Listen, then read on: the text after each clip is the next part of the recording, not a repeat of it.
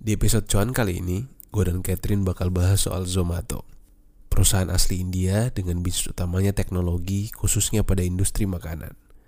Berawal dari pengalaman gak enak karena harus ngantri nunggu menu makanan di restoran, bagaimana Zomato bisa menjadi salah satu startup unicorn di India dan menjadi salah satu pemain utama dalam bisnis ini di dunia?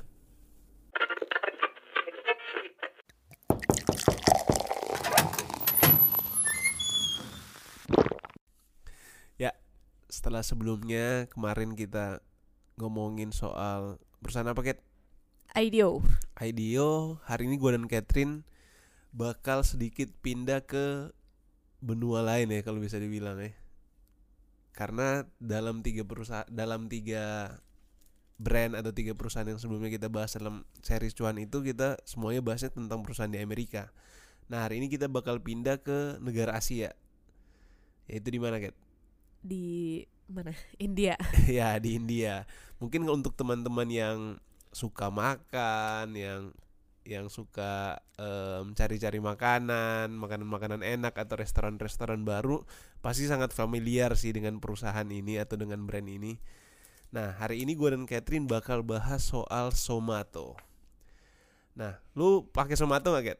Nggak nggak pernah tapi lu pernah sih pernah sekali doang gue Heeh. download cuman untuk eh, bantuin restoran Hmm. temen gue diminta kasih review gitu kan udah sekali itu doang terus habis itu gue hapus kenapa lu kenapa nggak lu pakai lagi karena emang pada dasarnya gue nggak terlalu apa ya bukan tipe yang sering pergi-pergi keluar ke tempat makan gitu-gitu sih Hmm, gue juga nggak pakai sih sebenarnya.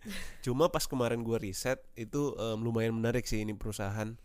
Di mana gue pribadi ya gue fami- lumayan sering mendengar sih soal beberapa temen gue yang pakai Somato, kemudian banyak banget promo yang mereka tawarin. Bahkan terakhir ini mereka keluarin soal Zo- eh, ini ya Zomato Gold ya, Mm-mm. kayak subscription gitu kan. gue kurang ngerti sih tapi biasanya gue nebeng diskon di dan dan temen-temen gue offernya aja eh, menarik-menarik kan sebenarnya tawaran-tawaran diberikan soal promo-promonya. Cuma dalam bayangan gua sebelum gua gua eh, cari kemarin gua riset kemarin dalam bayangan gua ini perusahaan bukan perusahaan India loh. Entah kenapa bahkan kemarin lu pas gua bilang lu sempat sempat kaget kita serius perusahaan India? Gue jujur aja kirain perusahaan Indonesia awalnya. Iya iya gue juga. Maksudnya gue gue kaget sih itu perusahaan eh, ternyata perusahaan di India. Maksudnya bukan apa-apa biasanya kan menurut gue sih ini udah perusahaan yang termasuk besar dan biasanya kan perusahaan besar itu biasanya dari eh, Amerika atau enggak Eropa misalkan. Sekalipun relatif sih sebenarnya. Nah jadi em, untuk teman-teman yang belum tahu Zomato ini adalah perusahaan em, teknologi tentunya yang bergerak di bidang eh, makanan. Bidang makanan bisnis utamanya itu makanan. Di perusahaan yang didirikan di tahun 2008 di di India di Delhi Eh, foundernya itu Dipinder Goyal dan Pangkat Chada susah juga ya disebutnya. Nah lu sendiri nih Kat. Maksudnya eh, kita ngomongin dulu soal pengalaman nih soal pengalaman pribadi lu dengan eh, berhubungan dengan teknologi dan makanan. Lu sendiri itu tipe yang kalau misalnya makan itu tipe yang melihat review nggak sih? Misalnya review makanan, review review tempat makannya apa dan itu model mod- model lu mencari reviewnya bisa macam-macam. Mungkin bisa jadi lewat Google atau lewat teman rekomendasi teman dan lain sebagainya. Lu tipe yang gimana? Apa langsung ah udah gue datang aja mau makan? Biasanya sih gue karena kalau misalnya mau pergi ke tempat makan itu pasti udah ada tujuannya ya pasti untuk makan. Mhm. Em, gue antara dua pilihan doang. Antara gue bener-bener pergi ke tempat yang udah biasa gue pergi. Ini untuk makanan sehari-hari ya Hmm, kalau hmm, gue hmm. pergi keluar untuk makan gitu atau eh gue coba mak- tempat makan yang baru tapi biasanya itu ya random aja gitu samperin aja ketika lewat Hmm. aja karena kan biasanya pasti deket-deket tempat tinggal gue tapi biasanya gue kalau em, nyari di Google itu kalau mau meeting atau ketemu temen eh, di apa coffee shop coffee shop doang sih biasanya yang sering banget gue Mhm, search. Karena eh, biasanya gue perlu lihat nggak apa biasanya gue perlu lihat itu eh, ambience-nya enak atau enggak terus menunya masih agak affordable atau enggak tapi biasanya itu gue cuman sekedar eh, search di Google terus buka dari Google reviews aja sih. Nah itu sebenarnya hasil review itu menurut lu berpengaruh nggak terhadap preference lu menentukan tempat makan yang bakal lu? Jujur gue nggak sampai baca reviewsnya. Biasanya gue cuman buka untuk lihat foto-fotonya, kemudian foto Mm-mm, menunya mm-mm, untuk lihat range mm-mm. harganya dan em, kalau ratingnya masih antara 3 ke sampai 5 tapi gue lihat tempatnya cukup oke, Mm-mm. gue biasanya go for it aja Ber- sih. ber- berarti sejauh ini kalau lu mencari review lu nggak pakai Somato biasanya pakai eh, maksudnya maksud gua lu langsung by Google aja Ya, lu Google Kadang sih kalau lagi munculnya yang pertama Zomato ya udah gue buka aja gitu tapi Iya iya nggak nggak menentu sih. Ya biasa sih em, kalaupun lu nyari biasa referensi utamanya dari dari ininya Somato ya Biasanya Yang sih udah- Google yang- karena gue search iya kan Google. iya kan maksudnya maksud gua oh iya pertama pasti Google misalnya kayak tempat nomor telepon gitu-gitu Iya. kan tampilan awal Google bisnis ya biasa Iya, disebutnya kan ada review tab Mhm, reviewsnya. mhm. Nah, biasanya gue buka di, buka di situ. Nah, eh menurut lu nih Kat, kira-kira eh bisnis seperti Zomato ini itu berpengaruh nggak sih terhadap dari pengalaman lu aja nih, pengalaman lu aja, kira-kira itu berpengaruh nggak sih terhadap em, tingkat sales, tingkat penjualan suatu tempat makan khususnya? Pasti ada sih Hmm. karena em, maksudnya dengan itu bisa diakses dari HP kita sesuatu yang bisa kita Mhm. buka kapan aja eh, orang lebih aware tentang bisnis-bisnis atau restoran-restoran yang ada yang sebelumnya mungkin kita harus untuk mengetahui ada restoran itu kalau tidak melihat eh, di advertisement Iya. atau dengar dari temen itu kita harus kebetulan aja gitu lewat dan menemukan restoran Ya. itu dan ini kita benar-benar bisa browsing kayak misalnya eh, istilahnya kayak shopping lah kalau Mhm. kita cuman sekedar eh, keliling-keliling di dalam mall itu kan kita harus hampir kebetulan gitu untuk mendapatkan sesuatu yang kita suka. Nah dengan Mhm. adanya sekarang platform-platform online, eh, website-website e-commerce dan sebagainya itu kita bisa eh, menentukan dulu memfilter nih kita maunya baju yang seperti apa, warnanya seperti apa, ukurannya seperti Mhm. apa dan eh, Zomato kurang lebih atau teknologi dalam bidang makanan menurut gua sih pengaruhnya itu sih kita bisa lebih banyak memfilter em, tempat makan seperti apa yang kita mau iya, tujui iya. Mhm. dan pastinya meningkatkan sales-sales Nah, restoran-restoran tertentu. Em, iya ya bahkan banyak yang bilang em, beberapa artikel yang gue baca bahwa Zomato ini kayak Google-nya untuk tempat makan atau Iya. Google-nya untuk makanan lu bisa nyari apa pun makanan atau tempat makan di sekitar lu bahkan mereka sampai menyebutnya itu Tapi memang dia belum kalau gue lihat nggak terlalu banyak untuk restoran-restoran yang kecil yang Iya iya iya iya ya. uh-uh. lebih ke kayak tempat-tempat yang yang udah ada yang udah rada bagus lah udah ada brandnya biasanya tempat untuk ngumpul sih. Mm-mm. Karena memang gua baca em, salah satu hal yang dilakukan oleh tim mereka adalah mencari ketika baru buka di Mm. suatu Mhm. negara nih aplikasinya itu mereka mencari orang-orang untuk mencari tempat-tempat yang menarik dan Ya. di mana orang-orang bakal mau kunjungin. Jadi memang ada standar-standar tertentu kayaknya. Iya ya benar-benar.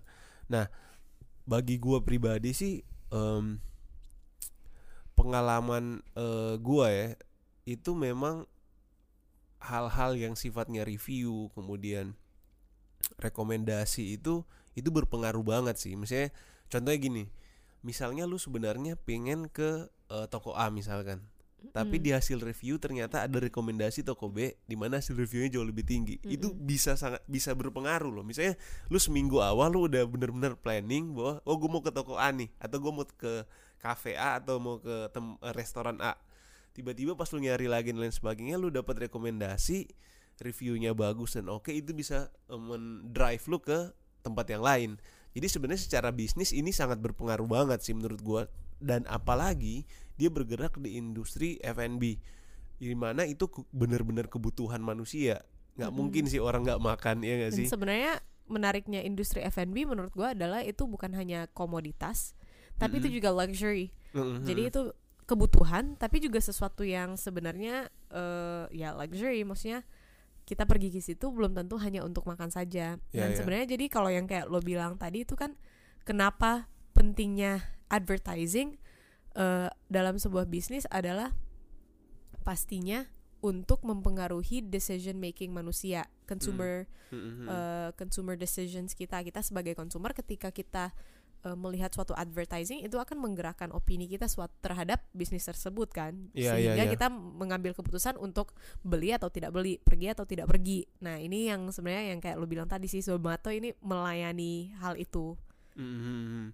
Dan sebenarnya em, kalau gue lihat ya dari dari data dan eh, wawancara yang yang beberapa kali dilakukan terhadap eh, para co-foundersnya itu mereka bilang jadi mereka ini sebenarnya satu satu ini kan satu untuk teman-teman yang mungkin belum tahu jadi si co-foundernya ini antara si Dipinder Goyal dan Pangkat Cada ini mereka berdua itu adalah eh, teman sekantor dulunya mungkin kalau teman-teman ada yang tahu mereka itu kerja dulunya itu selama kurang lebih dua tahun itu di salah satu kantor konsultan yang lumayan ter- bukan lumayan terkenal sih salah satu yang paling gede ya di di Iya. dunia ya Bain di Bain itu dan nah ini yang juga gue bingung nih mumpung lagi bahas Bain kalau lu gue perhatiin ya rata-rata startup teknologi khususnya nggak tahu ya menurut lu kenapa ya selalu berangkat dari perusahaan konsultan? Nggak selalu tapi sering Eh, kali. se- sebut aja lah beberapa kayak Iya. Gojek. Banyak Se- lah gue iya. kalau misalnya kita list cukup nih ya, signifikan intinya. cukup signifikan dan bener-bener pola dan trennya itu kelihatan banget Mm-mm. biasanya mereka berangkat dari salah satu eh, perusahaan konsultan bisa ada yang McKinsey ada yang Bain ada yang em, apa namanya Iya, macam-macam lah intinya eh, yang pokoknya yang terkemuka lah Ernst Young dan lain sebagainya menurut lu kenapa Get? sebelum kita lanjut nih Menurut gue sih mungkin karena kerjaan konsultan adalah lu diberikan masalah dan lu harus figure out a solution untuk masalah tersebut. Gue sebagai perusahaan, gue datang mencari konsultan ataupun sebagai individu mencari konsultan ketika gue punya masalah yang gue butuh Mhm. insight mereka. Ya. Nah di sini kan sebenarnya ketika lu mau membangun em, bisnis atau startup itu pasti kan lu berangkat dari sebuah masalah yang ingin lu pecahkan.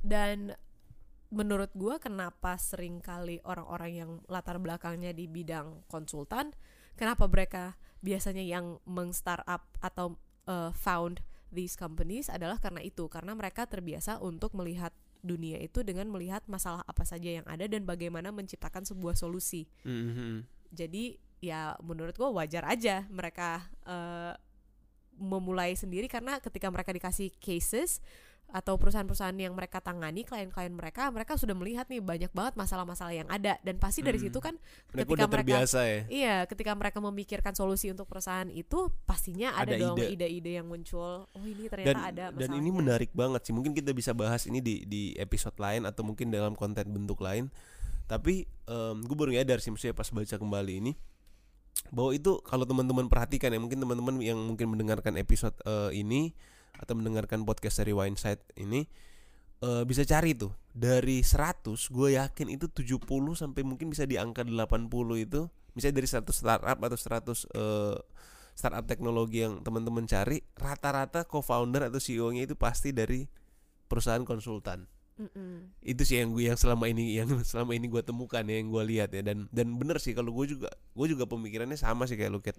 Gue berpikir bahwa ya kenapa mereka begitu begitu ya karena mungkin mereka udah terbiasa kemudian mereka punya insight yang begitu banyak baik dari sisi politik sisi ekonomi eh, public policy dan lain sebagainya mungkin lebih apa ya em, perspektif mereka lebih gede ya ya mungkin kita mungkin daripada lebih jauh lagi ke situ Em, tapi itu menarik, menarik banget kalau misalnya eh, buat teman-teman cari atau diskusi lebih banyak. Nah sebelum lebih lanjut lagi, gue mau jelasin dikit soal Zomato ini. Jadi Zomato ini adalah yang kayak gue bilang tadi di awal, bahwa ini adalah salah satu aplikasi di mana dia fokusnya ke industri F&B. Nah jasa yang dia tawarkan itu awalnya itu hanyalah eh, foto menu. Mm-mm. Jadi wa- eh, restoran-restoran atau tempat-tempat makan, kafe, menu-menunya itu difoto-fotoin sama dia, sama mereka, kemudian diupload di websitenya mereka. Nah, targetnya apa? Targetnya supaya orang nggak perlu nunggu lagi untuk un- nggak perlu antri lagi atau nggak perlu berpikir lagi di tempat makan karena butuh waktu yang cepat dan lain sebagainya. Nanti itu gue akan bahas di di poin selanjutnya. Nah, kemudian akhirnya si Zomato ini berkembang menjadi sampai ke booking tempat, table reservations. Terus online ordering kayaknya di Indonesia belum ada ya online ordering. Eh, Setahu gue ya. delivery sih Mm-mm. maksudnya itu jasa delivery mereka kan ya oh, Mm-mm. online ordering Mm-mm. Ya, terus selanjutnya itu jasa mereka juga uh, point of sales di mana mereka menawarkan suatu program dari program tersebut um, kayak sebenarnya ini untuk untuk apa ya untuk membantu tempat makan atau merchant dari sistem ini ya kayak perekaman transaksi yang masih konvensional Hmm. ya nggak sih dan inventory Mm, mm, mm, mm, mm. jadi pada akhirnya mereka bisa uh, melakukan pengukuran transaksi dan lain sebagainya uh, penjualan uh, melakukan review terhadap tingkat penjualan mereka mungkin dalam satu bulan atau mungkin dalam setahun dan intinya lebih mempermudah itu sih untuk efisiensi dan efektivitas aja sih Nah, yang menarik em, ini sebenarnya banyak kan startup startup em, yang khusus untuk bisnisnya itu point of sales kan. Mm-mm. Setahu gua ya, maksudnya beberapa eh, ada teman gua juga ada orang yang gua lihat dan itu macam-macam ini ya em, em, apa startup startup itu tapi intinya yang mereka jual sama. Nah, si si Zomato ini untungnya mereka lebih apa ya karena mereka sebelumnya klien-kliennya itu memang bergantung penjualan kepada mereka mungkin mereka lebih gampang kali ya untuk nawarin itu ya Mm-mm. untuk nawarin jasa point of sales itu kayak contohnya misalkan gue berpikir sih misalnya kayak GoFood atau GrabFood mungkin bisa jadi akan di, akan sampai di suatu masa di mana mereka juga nawarin jasa itu sih Iya gak sih karena sebenarnya sih tahu gue sa- Gojek dan GoFood atau eh, GoFood dan GrabFood itu sudah ada semacam menawarkan point of salesnya kan karena kita juga melakukan transaksi pembayaran dan lu lewat bisa lihat historinya Iya, mungkin dashboardnya mungkin nggak selengkap iya. nggak selengkap ini kali ya em, jasa yang betul-betul itu ada di situ. Mm-mm. Nah, selanjutnya jasa dari si Zomato ini terakhir gua cek itu sampai ke cashless payments. tapi Mungkin- udah dihapus oh udah dihapus ya. Mm-mm. Jadi nggak dilanjut nggak di develop lagi. Uh-uh. katanya sih mereka bakal mencoba versi yang kedua tapi ya belum tahu juga karena katanya saingannya sangat banyak Mhm. Jadi ya kurang lebih em, yang paling umum yang pasti itu pertama lu bisa lihat menu di dalam situ, ya kan? Lu bisa Mm-mm. lihat menu, lu bisa lihat review, dan menulis review Iya, menulis review juga dalam situ. Terus lu bisa lihat foto tem- foto tempat restorannya. Ada kan ya foto restorannya apa foto menunya foto aja? ya? restoran dan juga foto makanan Mirip-mirip kayak Google lah ya kalau Iya. misalnya lu cari di Google. Terus kemudian mungkin bahkan Google ngambil gambar di dia. kan kita submit AI ke Google mungkin bisa jadi ya.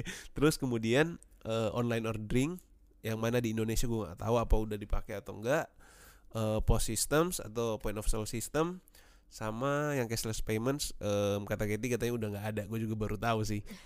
Nah, selanjutnya oh ya tadi kita sampai ke kenapa sih sebenarnya si co-founder ini membuat ini. Tadi gue udah sempat mention bahwa si dua co-founder ini si Dipinder Goyal dan Pangkat Cada ini mereka dulu sekantor. Kemudian setiap makan siang atau setiap mereka pengalaman mereka untuk makan di kantor itu pasti di tempat makan di sekitar kantor mereka itu pasti antriannya panjang tuh. Antriannya lumayan panjang, kemudian dia sering ngelihat teman-temannya itu kayak eh milih menunya lama dan lain sebagainya. Sampai akhirnya mereka berpikir "Em, gimana ya caranya kalau misalnya gua ke tempat makan gue nggak perlu menunggu antri sampai dapat menu gue udah tahu tuh waktu sampai di situ gue harus pesan apa. Hmm. kemudian dimulailah si em, Zomato ini. Nah dan Zomato ini datangnya itu nggak lang eh, awalnya namanya bukan Zomato Kat Mm-mm. Ah, namanya bukan Zomato. Foodie Bay. Iya Foodie Bay. Mungkin relate dengan eBay kali ya di masa itu ya. Justru karena dianggap related jadi diganti namanya. Jadi. Zomato. Iya, jadi di tahun 2010 akhirnya mereka merubah namanya. Namanya itu diganti menjadi Zomato karena mereka merasa bahwa kalau gua pakai Foodie takutnya itu akan orang berpikir bahwa ini bagian dari eBay, Hmm. ya kan? Nah, menu pertama yang mereka upload itu em, kayaknya ini nama tempat makan ya, House Gas. Itu ada di New Delhi. Dan itu kenapa sekalipun si Zomato ini udah ada di mana-mana, bahkan hampir di em, kalau teman-teman buka websitenya Zomato di zomato.com slash about teman-teman bisa lihat tuh. Zomato itu udah ada di Kanada, Amerika, Brasil, Chili, South Africa, Portugal, banyak deh, hampir di semua negara, bahkan Indonesia, Australia yang bagian-bagian Asia Tenggara itu hampir semua udah dimasukin sama Zomato. Termasuk Australia yang sangat besar. Sekalipun bukan Asia Tenggara ya cuma maksudnya di bagian-bagian Tenggara em, udah udah masuk semua. Intinya Hampir- global lah Iya hampir ham- dan hampir semua. Di sini kan ditunjukin di petanya. Di petanya itu teman-teman bisa lihat hampir semua itu udah merah. Udah ada Zomatonya lah. Nah yang menarik dari mereka juga oh ya misi mereka nih. Misi mereka itu sebenarnya simple. Buka website mereka itu yang ada di halaman pertama eh, bagian aboutnya itu mereka mau orang itu nggak mendapat apa ya nobody has a bad meal apa ya definisi yang tidak mengexperience atau merasakan harus eh, makan makanan enak ya. bukan makanan enak sih tapi experience saat makan itu buruk. Ya lu harus betul-betul enjoy lah di saat lu makan ya. Iya dari segi kualitas makanannya dan ju- juga mungkin experience saat lu makan. Mm-mm, dan dan apa? Dan di di situlah kenapa si dua co-founder ini memutuskan untuk membuat si Foodie Bay yang akhirnya menjadi Zomato dan nggak butuh waktu lama untuk akhirnya mereka mendapat invest investasi dan akhirnya menjadi sebesar seperti sekarang ini dan eh, mereka sudah menjadi salah satu unicorn di India. Nah, sebenarnya untuk kisah ini atau cerita tentang Zomato ini mungkin juga terjadi di beberapa startup yang lain. Tapi yang gua yang menurut gua menarik dari Zomato ini ialah bagaimana Zomato atau teknologi bisa merubah atau mempengaruhi behavior manusia, Kat. Mm-mm. Bagi gue itu pertanyaan yang perlu kita pikirkan dan kita jawab bersama sih. Di seperti di eh, episode-episode sebelumnya, gue selalu bertanya, lu pernah ngebayangin gak sih kalau seandainya si aplikasi ini gak ada? Terutama eh, dalam episode ini, bagaimana ketika Somato ini gak ada, itu berpengaruh gak sih terhadap behavior orang untuk makan saat ini? Karena jujur ya, misalnya orang-orang di sekitar kita lah, nggak usah yang jauh-jauh, selalu pas eh, dibilang em, oh makan di sini nih enak. Katanya enak katanya enak. Atau rekomendasi orang temen gue temen gue bilang katanya enak. Akhirnya apa? Akhirnya orang eh, menentu- eh, menentukan makanan yang dia makan bukan berdasarkan gue but gue lagi lapar nih gue mau makan ini. Tapi kadang terpengaruh dengan review dan opini orang. Menurut lu berpengaruh nggak sih dengan aplikasi seperti Zomato ini terhadap behavior orang? Terlebih khusus dalam hal dia memilih makanan atau mungkin tingkat konsumsinya. Menurut gue sih sebenarnya justru perusahaan-perusahaan seperti Zomato ini atau startup-startup digital itu kebanyakan justru em, memfasilitasi behavior yang sudah ada. Hmm, Jadi hmm, hmm. misalnya kita nih, kayak yang lu bilang, kita pada dasarnya memang biasanya kalau mau milih tempat makan, kalau kita nggak browsing, eh, ngeliat-ngeliat, muter-muter, atau berdasarkan rekomendasi teman, dan dia hanya mendigitalkan sebenarnya proses ini, proses ini dalam ketika kita mem- mengambil Ya. keputusan untuk Mm-mm, memilih tempat makan. Dan bedanya adalah bukan bukan necessarily mengubah behavior, tapi meng apa ya, meng-speed up proses itu menurut gue. jadi, Jadi behav- membuat- behaviornya sebenarnya tetap sama cuma Mm-mm. lebih mempercepat itu ya Iya, lebih meng- mem- mengakomodasi agar kita lebih cepat dalam dan lebih efisien dan efektif dalam uh, pemilihannya karena kita Mm, bisa mm. melakukan semua itu di tangan kita. Tapi tentunya pasti uh, itu juga akan semakin meningkatkan atau kayak steroid gitu loh. Gimana ya jelasinnya? Mm, Eh, ngeboost ngeboost behavior itu. iya iya iya dan dan lebih mempermudah kan ya Iya. lebih mempermudah untuk hmm, kayak misalnya contohnya orang pada dasarnya misalkan mungkin contoh sederhana orang pada dasarnya natur manusia oh suka menunjukkan sesuatu suka Mm-mm. Suka narsis off, dalam ta- iya. dalam tanda kutip. Nah, dengan adanya sosial media itu jadi terfasilitasi Iya, gitu menurut betul. gue. Nah, dan ini yang menarik ya. Gue nggak tahu ya kenapa gue waktu lu siapin bahan ini gue kepikiran. Kira-kira Somato ini berperan nggak sih terhadap tinggi, tingginya serangan jantung di dunia ini? Karena menurut gue ya, menurut gue kan jantung itu em, salah satu pemicu utamanya makanan kan Mm-mm. bagaimana pola makan lu, apa yang lu makan dan lain sebagainya. Nah, di sisi lain kehadiran aplikasi seperti Somato menurut gua pribadi ya, ini nggak berdasarkan data, tapi eh, logika sederhana gua bisa bilang ini sangat berpengaruh berpengaruh terhadap tingkat konsumsi lu. Contohnya ya, ya gue misalnya mau order makan nih online delivery online. Mm-mm. sebenarnya mungkin gue nggak lapar tapi ketika gue lihat foto menunya itu gambar itu bisa berpengaruh banget. Dan dan bagi gue Somato juga mengambil peran di situ. Lu setuju nggak? Nggak nggak bisa setuju atau nggak setuju karena gua nggak tahu apakah benar-benar tingkat eh, serangan Mhm. jantung dan sebagainya itu benar-benar meningkat. serangan jantung obesitas Kalaupun ada seperti itu. peningkatan, baru bisa gue bilang mungkin salah satu salah satu faktornya adalah eh, Mhm. kemudahan-kemudahan untuk memperoleh tapi lu makanan seperti eh, ini. tanpa lu lihat data nih Kat lu cuma melihat pengalaman observasi sederhana menurut lu berpengaruh nggak enggak, kenapa nggak berpengaruh bukan nggak berpengaruh, tapi bagi gua karena dia pada dasarnya kita pasti makan. Iya. Dan menurut gua dia nggak terlalu khususnya Zomato ini nggak terlalu membuat lu ingin makan yang nggak ada.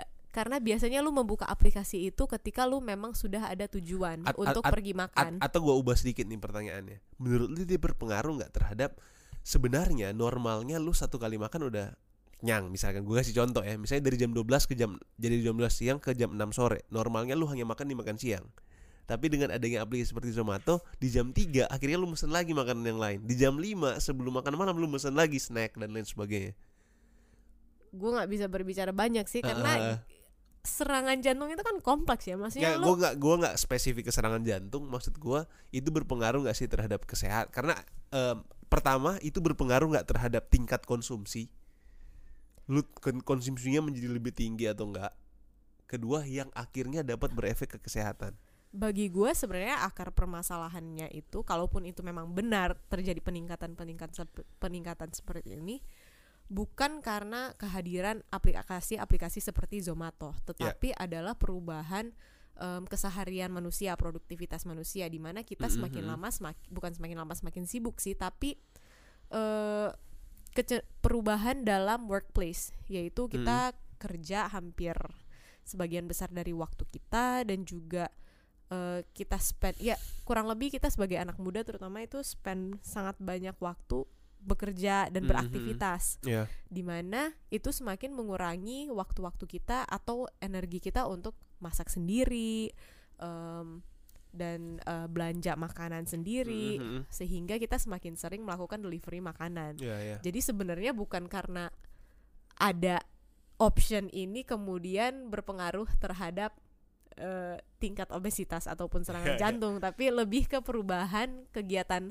Ya, sehari-hari ya, ya, manusia ya. yang difasilita yang sebenarnya si aplikasi seperti Zomato ini memfasilitasi gitu hal-hal ini. Mhm. Nah, pertanyaan selanjutnya gini sih, Kat. Ini agak kontra eh, agak bertentangan dengan pertanyaan gue sebelumnya. Mm-mm. Eh, ini gue cuma mau share aja.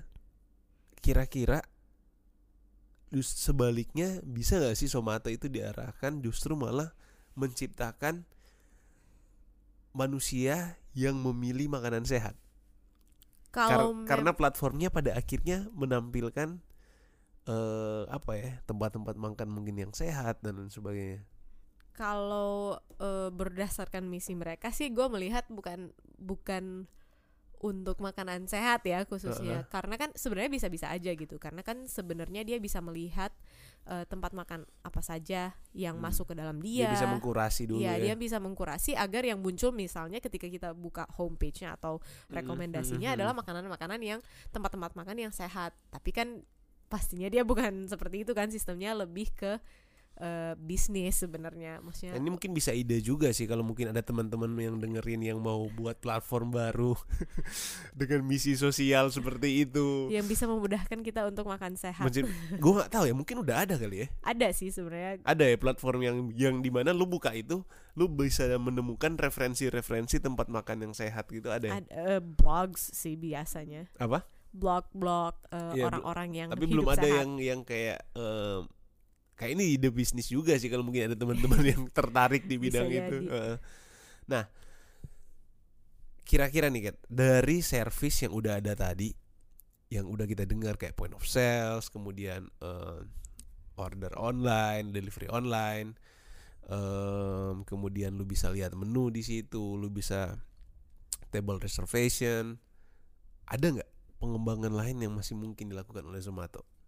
Hmm, kalau berangkat dari misinya adalah untuk agar nobody ever experiences a bad meal bagi gue berarti kembali lagi melihat ketika kita makan itu untuk apa dan kondisinya seperti apa misalnya kan dia sudah mulai masuk ke kayak yang lu bilang tadi menciptakan sistem point of sales itu untuk memudahkan Iya, atau iya. mengefi- meningkatkan efisiensi dari restorannya sendiri agar kita sebagai konsumer juga tidak em, merasa misalnya salah pesanan atau salah Mhm. apa eh, angka pembayaran dan dari restorannya juga semakin efisien sehingga pastinya lebih apa customer experience-nya lebih baik juga dengan reservasi table itu kan juga sebenarnya untuk agar kita bisa lebih menikmati makanannya dibanding harus tiba-tiba datang terus nggak dapat Iya, tempat iya. gitu Hmm. kan untuk pengembangannya bagi gua mungkin yang gua belum lihat itu dari segi bagaimana dia bisa menjaga atau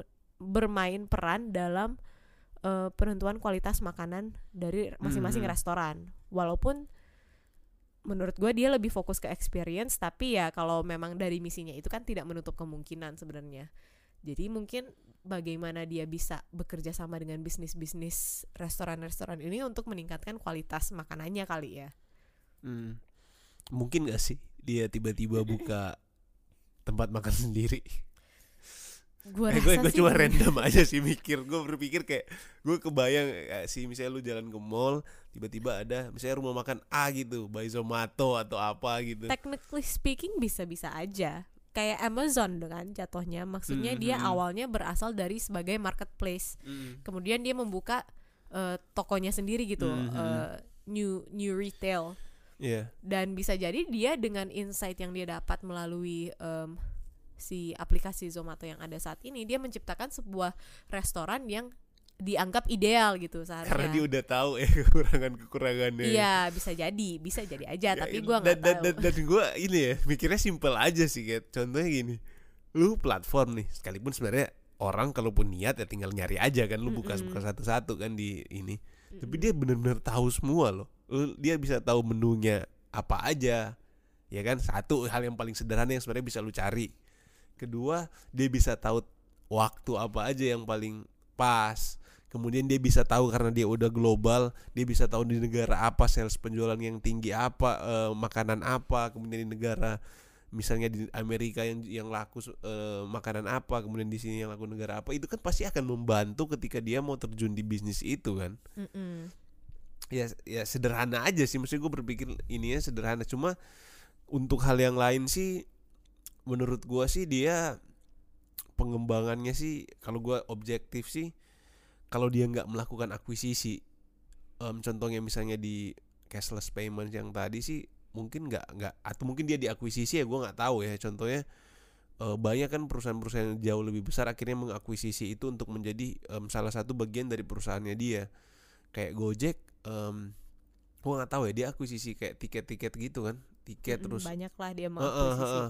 yang di bagian entertainment terus eh, medik juga ada kan Mm-mm. untuk em, gua kita nggak sebut merek lah nggak sebut merek dan sebagainya dan mungkin pengembangannya Zomato itu bisa jadi adalah dengan cara dia juga diakuisisi oleh yang lain menurut gua ya lu setuju nggak bisa jadi sih tapi setahu gue dia juga mengakuisisi sih Iya iya iya dia mengakuisisi be- tapi yang diakuisisi itu lebih ke perusahaan sejenis. kayak kayak setahu gue yang em, sistem point of sale mereka itu mereka sebenarnya Oh, hasil akuisisi ya? iya kalau nggak salah ya Mhm. Nah sebenarnya itu cuman balik lagi lagi-lagi kenapa menurut gua Zomato itu punya peluang yang besar tetap memiliki peluang yang besar entah dia mengakuisisi atau dia melakukan eh, lean development pengembangan dan lain sebagainya sampai mungkin bisa ke arah fintech karena dia sudah start dari kebutuhan utama manusia. dan sebenarnya dia masuk ke dalam industri yang bisa dibilang terbesar di Iya, iya. dunia dan dan yang kita tahu bersama lah industri F&B kan termasuk industri di mana margin profitnya lumayan tinggi kan Mm-mm. Jadi mungkin bisa bisa banyak hal sih yang bisa dielaborasi lagi. Nah lanjut ke pertanyaan berikut. Menurut lu Zomato ini mengancam salah satu pemain nggak dalam dunia F&B entah itu yang konvensional atau entah itu yang online? Maksudnya mengancam Misalnya dengan kehadiran F&B restorannya. iya restorannya, mungkin em, bukan mengancam tapi Misalnya kehadiran mereka akhirnya eh menyingkirkan atau mungkin menurunkan em, apa ya? tingkat penjualan mungkin atau dan lain sebagainya. bisa jadi sih karena eh, yang gua tahu ya Mm-mm. eh, ketika mereka memasukkan restoran dalam sistem mereka atau aplikasi mereka itu ada standar-standar tertentu di mana em, kalau kita lihat di Indonesia kan sebenarnya lebih banyak Mm-mm. yang restoran-restoran konvensional yang mungkin enggak dalam tanda kutip enggak layak masuk dalam Zomato tapi kembali lagi eh, di Indonesia sebenarnya lebih banyak pasar untuk eh, kelas-kelas yang konvensional ini secara kalau kita lihat dari sosioekonomi kita kan jadi mengancam bisa jadi pasti ada ngaruhnya gue yakin itu pasti ada pengaruhnya tapi apakah dia bisa benar-benar sampai memusnahkan? Gue rasa itu lebih besar faktor sosioekonomi kita sih. Apakah kita eh, apakah sebagian besar masyarakat itu justru mampu untuk eh, makan di tempat-tempat yang layak masuk dalam Zomato gitu? Mm. Nah, gue kayak gue kebayangnya gini sih, kayak em, yang gue lihat ya, yang gue lihat, gue juga nggak make Somato, tapi gue em, lihat-lihat, hmm, dia kan lebih fokus ke restoran yang secara fisik restorannya ada, ngerti nggak lo maksud gue? Kayaknya nggak ada kan restoran yang jualannya di online doang, nggak ada kayak kayaknya sih iya gak sih? Jualannya di online doang. gue Nah, nggak yakin tapi Nah, ini yang gue maksud sebenarnya ini agak bertentangan dengan beberapa platform atau aplikasi online lainnya yang justru mendukung entrepreneurshipnya orang Mm-mm. untuk berjualan. Lu mulai aja dulu jualan makanan, jualan apa tanpa lu Ada punya tempat fisik tempat fisiknya. Nah, si punyanya Sumato justru sebaliknya. Dia justru mendorong untuk orang yang tempat-tempat fisiknya ada, lu tetap aja jualan karena gua bisa meningkatkan poin eh, penjualan lu di situ. Nah, pertanyaan gua ialah Zomato mungkin gak sih masuk ke ke ranah yang tadi yang gue bilang yang online yang yang apa toko on, toko fisiknya nggak ada tapi dia jualan online. Mungkin mungkin mungkin aja dong. Pastinya gue yakin. Karena kan dia nggak menutup itu dalam misi mereka. Tapi eh gue rasa dia juga menyadari bahwa sebagian besar orang membuka Zomato itu ketika mau datang ke tempat ke suatu lokasi. Sehingga dia Mhm, makanya kan orang lebih sering lihat em, apa foto-fotonya gambar-gambar tempatnya ambience-nya dan sebagainya cuman ya mungkin ya pasti mungkin aja Iya iya. Ya dan yang menarik ini sih, gua eh, gua kepikiran bener baru kepikiran aja sih sekarang. Kayak itu dia nggak bisa jalan dua-duanya sih, Kat. Menurut gua ya. Gua nggak tahu ya kalau teman-teman yang teman-teman yang dengerin sepakat atau enggak. Menurut gua kenapa nggak bisa jalan dua-duanya dengan dia mengaktifkan em, atau dia memasuki market yang baru, sebenarnya dia sudah mulai meninggalkan market dia yang lama. Contohnya ketika online otomatis orang yang berkunjung ke tempat yang yang fisik toko fisik yang tadi restoran fisik yang tadi berkurang dong Iya gak sih technically iya tapi bagi gua ini pikiran bodoh-bodoh gua ya maksudnya gua bener-bener simple aja logikanya eh, nggak semata-mata bertentangan sih karena memang dia lebih fokus ke experience ketika lu makan. Mm-mm. Jadi bisa aja dia bagaimana entah gua nggak tahu ya bagaimana caranya dia main ke dalam bagaimana lu bisa mengexperience ketika lu deliver makan itu juga eh, lebih baik gitu. Tapi Mm-mm. ya bisa jadi sih Iya, di, di, maksudnya di, di, di tahap itu iya, ya eh, tapi bisa- kayak mereka melakukan delivery system kan mungkin di Indonesia nggak ada ya. Tapi kan karena dengan mereka menciptakan sebuah online delivery harusnya mungkin mungkin aja ada tempat-tempat makan yang orang nggak datang secara fisik tapi hanya memberikan jasa delivery. Tapi gue kurang tahu karena gue nggak pernah pakai aplikasinya. oke itu urusan mereka lah ini Iya. bener dan gue cuma kepikiran aja sih Iya, iya. pikiran aja mungkin teman-teman yang di rumah atau yang lagi dengerin juga bisa bantu mikirin itu dan bisa mungkin kasih saran ke Somato. Menurut tantangan apa nih terbesar untuk Zomato? Tantangan Kat. dia adalah bagi gua banyak kompetitornya. Terutama jasa-jasa yang diberikan itu sebenarnya bagi gue sangat mudah untuk diduplikasi dalam Mm-mm. hal Contohnya? misalnya gua mau eh, baca review itu gue sebenarnya bisa aja di Google tapi di Iya, satu betul. sisi yang lain juga sebenarnya eh, dia kan ada food delivery walaupun di Indonesia kayaknya sih nggak ada karena kehadiran Gojek dan Grab Mm-mm. kita lihat kita buka Grab dan Gojek aja juga sekarang sebenarnya kan kita sudah bisa melihat ada reviews Mm-mm. dan Gojek sendiri pun kalau lu pesen GoFood setahu gue lu bisa lihat ada feed teman-teman lu jadi Iya, iya. mereka pesan apa aja Oh iya. iya iya Oh itu gue belum bener-bener baru tahu loh gue. Iya, iya, ada. Serius. Jadi ada feednya gitu, lo bisa lihat teman-teman lu nge-like apa, em, Hah? nge-like doang atau nge-order ya, difavoritkan lah intinya yang gua tahu yang difavoritkan itu pasti muncul. Jadi kayak ada ada feednya. Gue misalnya gue baru mesen restoran A nih, misal, pesen KFC misalkan. Lu Heeh. tahu gue baru pesen KFC gitu. Gua kayaknya bukan yang lu pesen tapi yang lu favoritkan.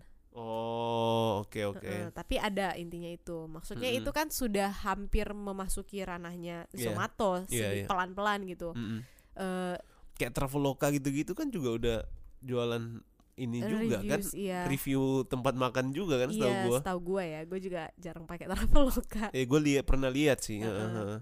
Selain itu juga kalau food delivery mereka udah pasti kan, udah banyak banget kompetitornya. Dan makanya mungkin mereka nggak buka jasa itu di Indonesia. Mm-mm. Dan ya bagi gue sih tantangannya itu semua services yang mereka provide itu sudah punya kompetitor-kompetitor besar karena sebenarnya core-nya itu adalah lebih fokus ke apa ya kayak ter- hal-hal yang tersiar bagi gua bukan di jasa utamanya kecuali mungkin kalau di luar negeri ya mereka delivery itu mungkin sesuatu yang utama gitu Iya iya iya. Iya sih itu itu itu tantangannya tantangan banget sih. Yang yang paling sederhana aja itu Google sih Iya. menurut gua. Lu nyari, maksud gua gini loh, gua bukan bukan apa ya. Maksudnya ini Zomato tetap menurut gua ide yang keren. Ide yang oke. Cuma entah kenapa ya dan memang ini ini ya Google sih. Memang kerennya Google itu sih dia bisa masuk aja di semua jenis bisnis Iya. Selama bisnisnya udah bekerja jadi gue ke dalam bayangan gue ketika bisnis itu udah bekerja ya udah gue tiru aja sesuai Iya.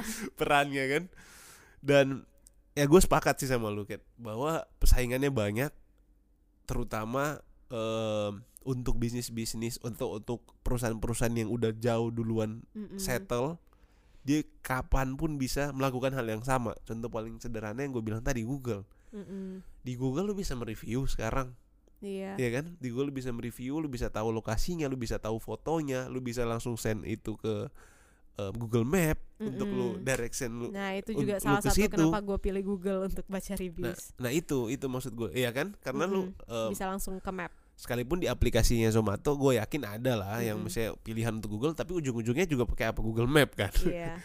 Jadi kenapa gue harus download aplikasi? Pada akhirnya kan orang akan berpikir, pada akhirnya kenapa gue harus download aplikasi lagi kalau seandainya gue Iya. bisa di. Nah, yang menarik menurut gue Zomato Goldnya itu sih. Mm-mm. Mungkin itu tawaran yang nggak yang nggak mungkin diberikan Google. Bukan nggak mungkin sih bisa jadi juga Tapi suatu. kayaknya udah bukan ranah, maksudnya Iya, udah iya, terlalu iya, apa iya, ya? iya. Nah, poinnya adalah tantangan mereka gede banget sih. Mm-mm. menurut gua itu gede banget karena dia mulai dengan review. Dia mulai dengan menu di mana semua orang sekarang jangankan itu lu bisa di Instagram pun lu bisa lihat Bisa, menu iya. menu menu ini kan. Bahkan hampir semua restoran zaman sekarang itu pasti punya account Instagram. Iya. di account Instagramnya ada apa? Di Insta- account Instagramnya ada foto-fotonya satu.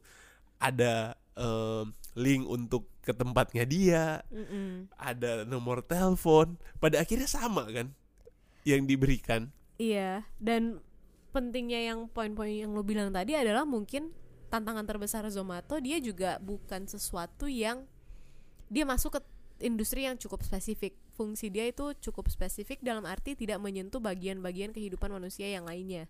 Mm-mm. Ya, tapi ini karena mungkin kita nggak ada jasa delivery mereka sih. Gue yakin Hmm, itu beda banget karena itu kan kalau sistem food delivery itu kan sebenarnya bagi gue itu bukan hanya sekedar berbicara tentang bisnis makanan, tapi dia masuk ke dalam eh, kehidupan manusia sehari-hari eh, apa ya mengubah behavior bener-beneran gitu. Karena kita Ya. semakin tidak perlu keluar untuk membeli makanan dan sebagainya. Jadi itu menyentuh bagian-bagian lain lah dari eh, keseharian gua. Mm. tapi kalau yang di Indonesia kan benar-benar eh, reviews dan Zomato Gold ini sih membershipnya. Mungkin lebih ke lifestyle kali nanti dia masuknya ya. Ya lifestyle promo gitu-gitu ya Em, apa ket inspirasi yang lu dapat yang kita dapat atau yang yang menurut lu yang dengerin Wineset harusnya bisa dapat dari Hmm, Zomato ini? Bahwa sebenarnya masalah-masalah kecil sehari-hari itu bisa memicu ide-ide yang menghasilkan uang. Ya tapi yang unexpected lah. Karena sebenarnya awalnya itu mereka nggak langsung se setahu gue ya tidak Mm-mm. langsung membuat ini menjadi bisnis Iya iya awalnya ini mereka cuma membuat sebuah sistem untuk teman-teman kerja Iya mereka doang iya iya itu lupa gue mention tadi di Iya. awal bener-bener Dan- cuma cuma Uh-uh. internal mereka aja kan Iya, dan mereka melihat akhirnya mereka coba untuk buka ke publik dan trafficnya terus meningkat maka dikembangkanlah menjadi bisnis gitu Mm-mm, mm-mm. Jadi technically eh, bukan technically maksudnya jadi sebenarnya kalau lu punya suatu ide solusi untuk suatu masalah mulai aja dengan apa yang lu bisa lakukan saat ini gitu. Nggak perlu dia langsung memikirkan bagaimana ini bisa menjadi besar. Karena dia menjawab solusi untuk kelompok yang kecil saja iya. ternyata membuka peluang dia untuk menjawab solusi yang lebih besar. Kayak Facebook dulu ya. Iya dulu kan Facebook cuma, di internal Harvard ya. Eh, eh, di mana sih iya. kampusnya dia di Harvard kan? Harvard dan juga eh, sebenarnya networking untuk anak-anak kuliahan Mm, untuk mm, college mm. students dan akhirnya dia melihat peluang ini menjadi semakin besar lagi gitu. Mm-mm. Jadi sebenarnya itu sih bagi gua inspirasinya. dan resign gitu Apa resign? setelah dapat ide habis itu resign Oh, ya iya. udah. ya gue juga sama sih resignnya ya janganlah Kok jangan? kayak kalau misalnya harus resign ya ujung-ujungnya kalau yang udah kerja harus resign setelah dapat ide yang menarik Enggak harus resign juga. gue juga sama sih Eh, gue enak juga. banget ya jawabannya tinggal sama gitu ya.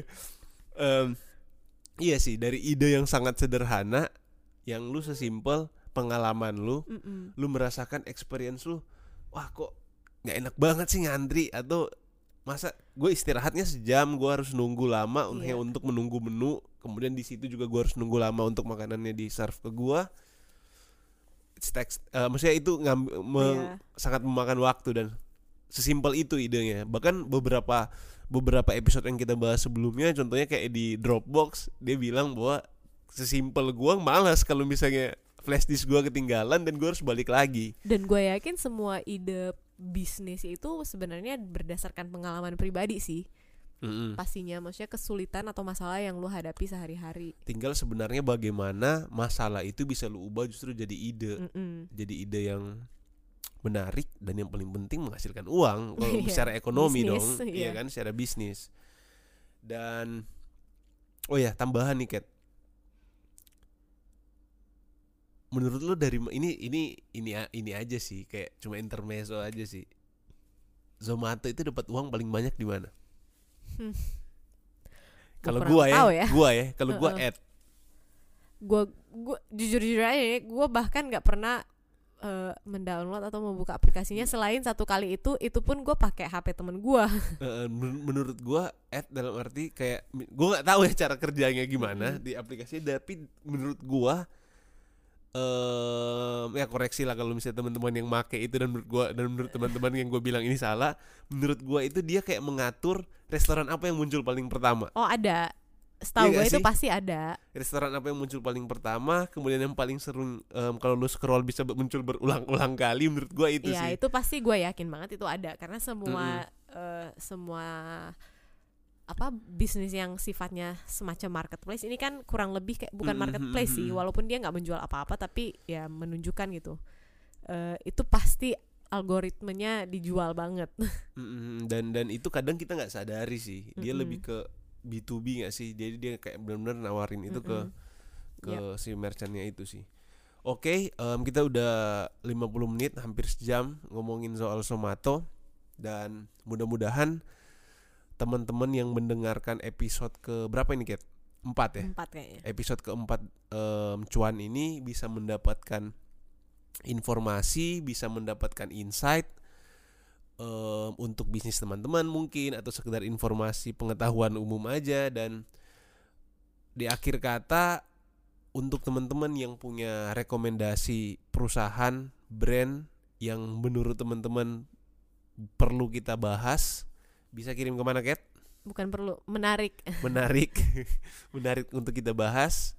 Bisa kirim ke DM aja at Bisa DM, winesight.id at winesight.id itu Instagram kita. Dan jangan lupa rekomendasi podcast kita. Jangan lupa juga follow dan subscribe em, sosial media kita. Ada di Instagram ada juga di YouTube channel. Dan gua Richard dan Gue Catherine. Sampai ketemu di episode cuan selanjutnya.